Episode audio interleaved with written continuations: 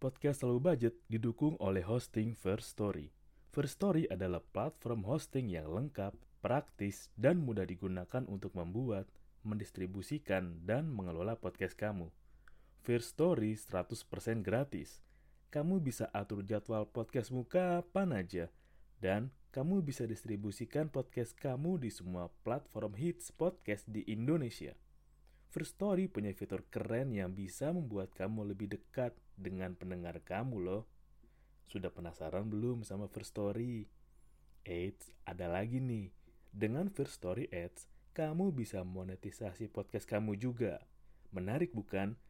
Gapai potensi maksimal podcastmu dengan tools dari platform hosting terbaik untuk para podcaster. Daftar sekarang di First Story. Mari bawa mimpi podcastingmu menjadi kenyataan.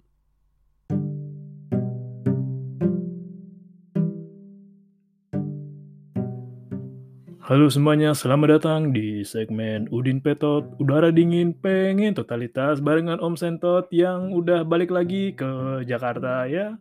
Setelah beberapa minggu kemarin ketahan di Ohio, kebetulan sih di Ohio ya tinggi lah yang mau berjumpa jumpa darat sama Om mau bersua bercengkrama ya kebetulan sih paham-paham Udin Petot udah sampai ke negara bagian sana ya dan ketika tiba di Jakarta sih banyak hal yang mengejutkan buat Om. Terutama ketika Om belanja ke supermarket. Sepertinya Om menemukan bahwa minyak goreng udah jadi bahan langka ya. Ya kebetulan di Ohio sih stok minyak goreng masih normal lah. Ya masih ada minyak goreng-minyak goreng saset. Dan Om juga terkejut melihat harga minyak goreng yang luar biasa ya. 2 liter 50 ribu. Ya 50 ribu tuh kalau buat beli kuaci rebo ya bisa lah buat makan seminggu di jalan. Atau misalnya 50 ribu itu ya buat beli seblak itu udah pasti udah dengan 50 ribu udah ya bisa buat makan seblak dua hari lah sama biaya promahnya. Karena kalau di Ohio sih minyak itu udah ada takarannya sendiri. Jadi ada minyak buat goreng telur. Jadi ada jual per saset kayak minyak goreng telur satu kantong ada. Minyak buat goreng donat tuh ada takarannya. Minyak buat goreng nasi ada takarannya. Jadi ya kalau di Ohio tuh minyak udah dipisahin per saset ya. Jadi nggak kaget lah kalau udah beli apa jadi tahu pas ke supermarket di Ohio misalkan hari ini mau masak tumis-tumis kangkung dan oseng jamur kuping. Ya udah takarannya tuh kayak oh ini minyak buat oseng sekali masak segini buat tumis-tumis segini. Jadi emang ya bisa diatur lah nggak ada minyak lebih dan nggak ada minyak kebuang. Dan satu hal juga yang bikin Om terkejut, ternyata harga gorengan naik ya. Naik dari terakhir Om beli-beli, makanya Om udah sempat nanya ke beberapa rekan Om di sini yang suka jajan pinggir jalan ya, bukan jajan di tempat lain. Katanya emang harga gorengan itu lagi naik dan menurut Om sih jajan gorengan tuh hal yang burjuis, hal yang mewah, hal yang Ya, gorengan tuh bisa menjadi separuh jiwa Om lah buat makan, buat cemilan nonton film, ya kadang buat cemilan nonton bola pun makannya gorengan. Makanya kemarin pas Om mau beli gorengan tuh hati udah mulai nggak tenang ya. Takutnya sesuai apa yang dikabarkan orang-orang. Ada yang bilang gorengan 5000 tiga, ada yang bilang juga gorengan 3000 dapat dua. Ya, kemarin bersyukurnya ketika Om beli gorengan ya masih beruntung masih dapat ya 5000 tuh masih dapat 4 lah. Gorengannya masih enak. Untuk bawaannya ya bukan tepung doang jadi masih ada isi wortel kol sosis dan nugget gitu kan. Jadi masih ya masih kaya lah rasanya lah. Dan ternyata banyak juga sih hal berbeda menjelang puasa ini.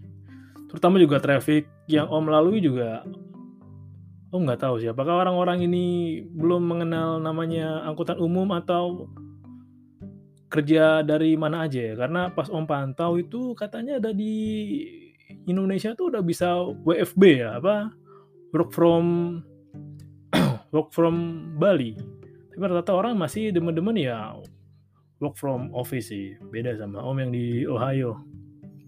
Nah di momen puasa ini pasti om ingat bahwa om juga punya salah dan ya om udah sempat minta maaf lah ke beberapa orang-orang di masa lalu om. Ya bisa dibilang sih orang yang pernah berada di hidup om. Karena kita nggak tahu ya bisa aja kita secara nggak langsung meninggalkan kenangan buruk buat seseorang. Karena kan ada ajaran lama dari India yang bilang bahwa ya bisa jadi kita jadi contoh atau cerita yang buruk untuk kisah seseorang. Makanya menjelang puasa kemarin sih ya Om sempetin lah, sempetin minta maaf dan mencoba menyambung tali silaturahmi kembali dengan beberapa mantan Om sengaja ya tahu lah apakah dia sudah menjadi lebih baik, menjadi lebih bahagia hidupnya. Karena bagaimanapun buat Om sih mantan adalah orang yang pernah ada di perjalanan hidup Om. Dan Om kemarin juga sempat ngobrol sama beberapa kolega, beberapa juga dengan teman sejawat. Rata-rata sih mereka banyak yang pemberian dari mantan itu yaudah dibuang aja atau dibakar karena emang salah satu cara untuk move on dari mantan ya dengan buang barang-barangnya, buang kenangannya. Kayak ya cara orang melupakan seorang ya dengan membuang barang yang mereka punya. Ya, kebetulan juga udah hujan. Sepertinya sih langit mendukung segmen Udin Petot ini ya. Kayak gitu kan. Ya, sebenarnya ada beberapa hal yang buat Om sendiri sih barang mantan buat om kalau emang itu barang fungsional nggak apa-apa lah disimpan. Karena memang ya kita nggak tahu bagaimana mantan kita mengusahakan untuk ngasih itu ke kita dulu ya. Entah itu untuk pas kita lagi ulang tahun pas kita lagi anniversary atau pas kita lagi telat nyabut aja gitu ya. Telat nyabut listrik maksudnya kaget gitu kita nggak tahu kan perjuangannya gimana. Karena emang ada juga rekan om yang bela-belain ngejajan tiga bulan nabung sehari tiga ribu dua ribu lima ribu. Demi bisa beliin boneka buat mantannya dulu. Dan usut punya usut sih kata informasi yang beredar ya bonekanya untungnya masih ada ya. Mungkin kalau untuk sekarang dengan usia yang sekarang pas itu kejadiannya sih kata temen om ya waktu sekolah lah SMP atau SMA. Mungkin kalau sekarang kita udah punya uang sendiri, punya penghasilan sendiri, bisa jadi ya beli boneka itu ya boneka 200, 300 atau bahkan lebih ya gampang. Tapi perjuangan dan momennya itu kan yang hal yang berkesan. Bukan berarti bahwa ketika kita menyimpan pemberian dari mantan, kita masih ada rasa. Ya enggak. Kalau misalkan mantan ngasih kita kado yang panjang, keras, geter, ya itu beli alat pijat lumba-lumba, maksud kita buang kan? Alat pijat lumba-lumba kan ngebantu kita kalau kita lagi pegel kan, yang kalau dia ada baterai di yang ya itu kalau tahu tuh alat pijat lumba-lumba yang warna merah putih ya gitu kan dibuang sayang. Bisa jadi buat kita mungkin barang itu nggak penting. Ya barang itu ya nggak kita pakai lah. Tapi kan bisa jadi barang itu bisa berguna untuk orang tua kita adik kita atau juga kita kasih ke pacar kita lagi. Enggak lah jangan jangan. Kalau bisa sih pesan om jangan kasih barang yang udah dihadiahin ke kita ke orang lain. Karena memang esensinya itu beda. Dan pastilah mungkin emang beberapa barang bisa ngingetin sama kenangan ya. Tapi kalau buat Om sendiri sih lebih ke usahanya dan historinya. Karena emang ya mantan udah ada di masa lalu, udah di belakang. Meskipun emang yang di belakang kadang bisa lebih enak gitu kan pas lagi di belakang. Tapi karena di belakang juga bikin jump scare sih. ya kan bisa bikin merinding bisa bikin takut noleh makanya kalau om pikir ah ya udahlah. Disimpan aja. Meskipun juga om ada pengalaman bahwa ya om pernah ngasih barang ke mantan tapi mungkin saat itu kalau nggak salah mantan cerita bahwa barangnya dibuang. Oh tapi ya nggak apa-apa. Kalau misalkan kejadian kayak kita ngasih ke orang tapi ada orang lain yang membuangnya karena itu nggak tahu apa atau nggak tahu fungsinya apa ya nggak masalah lah. Karena bisa jadi orang itu nggak tahu atau emang bisa jadi benda itu benda-benda yang konon bisa membawa aura jelek. Enggak lah enggak enggak oh nggak kepikiran buat ngasih boneka santet. Ya paling boneka yang bisa getar-getar aja lah. Boneka lumba-lumba tadi lumba-lumba pijit. Dan kalau emang mau buang pemberian barang dari mantan sih kalau misalkan mantan ngasih kita kertas wangi yang buat ngisi file yang buat ngisi nama tambah tanggal lahir makan favorit minuman favorit hobi zodiak ya nggak apa-apa dibuang. Karena emang kertas itu kan ya kalau kena air basah kelamaan lecek ya nggak apa-apa. Karena kan emang udah nggak fungsinya lagi untuk sekarang kayak atau misalkan mantan misalkan ngasih korek kuping limited gitu kan yang kalau misalnya dikilik itu bisa sampai dalam. Ya kalau udah habis ya udah nggak apa-apa. Kalau kita pakai aja jangan habis pakai kode kuping terus dibalikin lagi kan jangan kan jorok. Ada kan barang-barang yang mudah hancur ya nggak apa-apa lah. Dibuang aja. Dan apalagi untuk ya oh masih penasaran sih bahwa wanita itu emang lebih royal kalau ngasih ke cowok itu pengalaman om sih. Pengalaman om dari rekan-rekan om dan teman sejawat om. Karena emang wanita bisa memberikan effort yang tinggi lah kalau untuk mau ngasih kado atau hadiah. Bahkan emang om juga kaget bahwa lo kok mau ngasih ini? Ini bukannya sangat mahal ya? Sangat tinggi sangat hmm, agak jauh sih dari kemampuannya. Tapi mungkin karena emang cinta karena emang sayang ya ya nggak apa-apa. Dan emang kan kalau soal mahal kan subjektif ya. Tapi jangan sampai juga ngasih sesuatu yang ngebebanin diri kita sendiri. Kayak misalkan ya mau ngasih ma ke pacar gitu kan iPhone 12 terus cicilannya 2 tahun. Ya kalau masih 2 tahun jadian sih nggak apa-apa. Tapi kalau pas baru ngasih kado terus tiga bulan kemudian putus kan cicilan tetap jalan ya nggak mungkin juga ya dan Om juga ingat sih Om pernah baca di berita buku biru. Ada juga sih hmm, ini jangan ditiru. Ada cowok yang ya dia nagih ke ceweknya angka atau pengeluaran dan nilai di barang-barang yang pernah dia kasih ke ceweknya untuk ceweknya balikin. Ini pantangan sih. Kalau buat om cowok sejati emang kalau udah ngasih udah ngasih aja nggak usah minta balik lah. Karena sebenarnya juga terlalu banyak apa yang wanita kasih buat cowok-cowok. Kebanyakan cowok kan emang kurang peka. Ya ngasih perhatian waktu dan lainnya.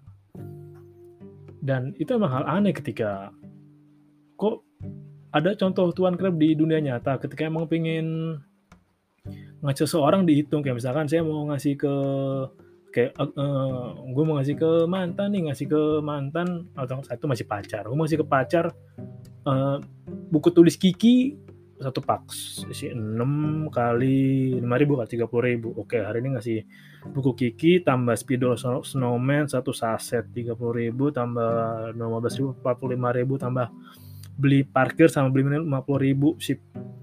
Kan di 50 ribu dihitung terus dua minggu lagi misalnya mau ngasih beliin kos kaki pramuka. Pramuka dua set 25 ribu tambah kacu tambah tali pramukanya kan. Jadi total 50 ribu oke. Minggu kedua 50 ribu. Dan misalkan sebelum kemudian putus mau ditagih gitu ya aku udah ngasih kamu ini ya Kosaki Pramuka Kacu Pramuka Talikur buku Sidu sama Sonomen. Ini tolong balikin atau enggak?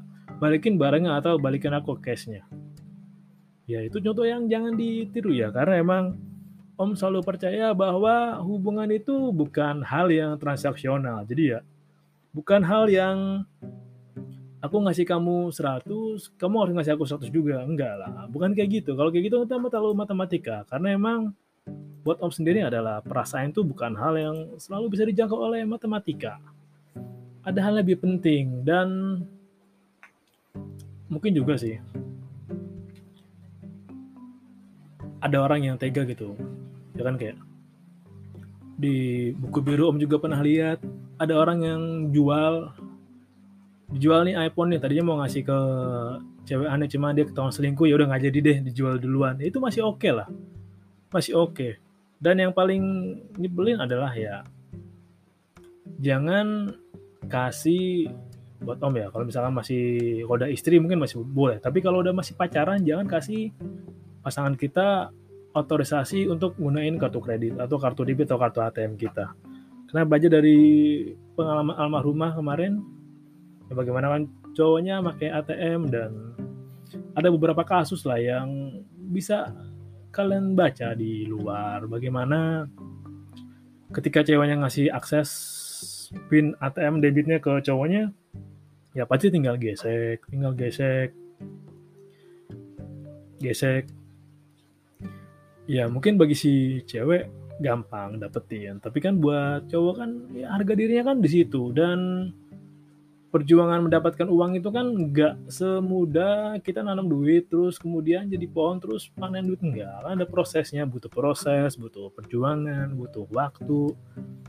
Dan jadi emang kalau udah dikasih eh jangan mau kalau dikasih kayak gitu bahkan jangan pernah kepikiran buat ngasih akses kayak gitu ke pasangan yang belum resmi dan kembali ke pembahasan kalau memang barang itu dirasa mengganggu mungkin ada di sini yang cowok yang ngasih pas ke ceweknya boneka jenglot nggak apa-apa itu dibuang aja dibuang. Karena bisa jadi itu boneka buat membawa atau tumbal.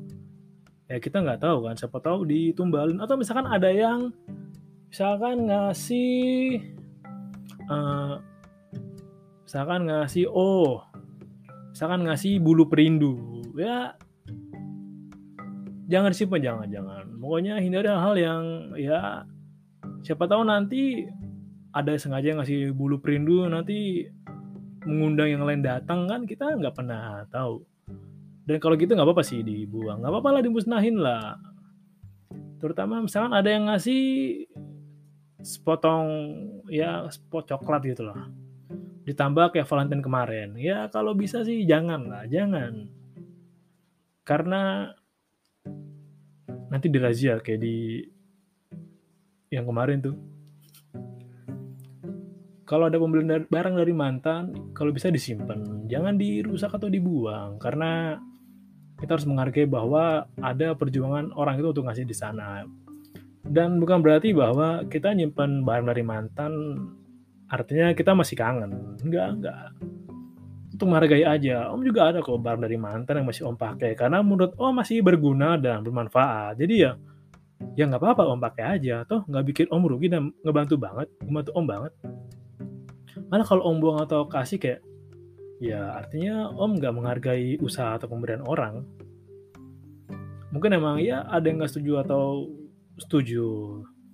Tapi ya kembali lagi pilihannya mau gimana? Kalau yang pilihan om sih lebih baik ada pemberian barang dari mantan atau pacar kita dulu ya kita simpan selagi nggak merugikan ya.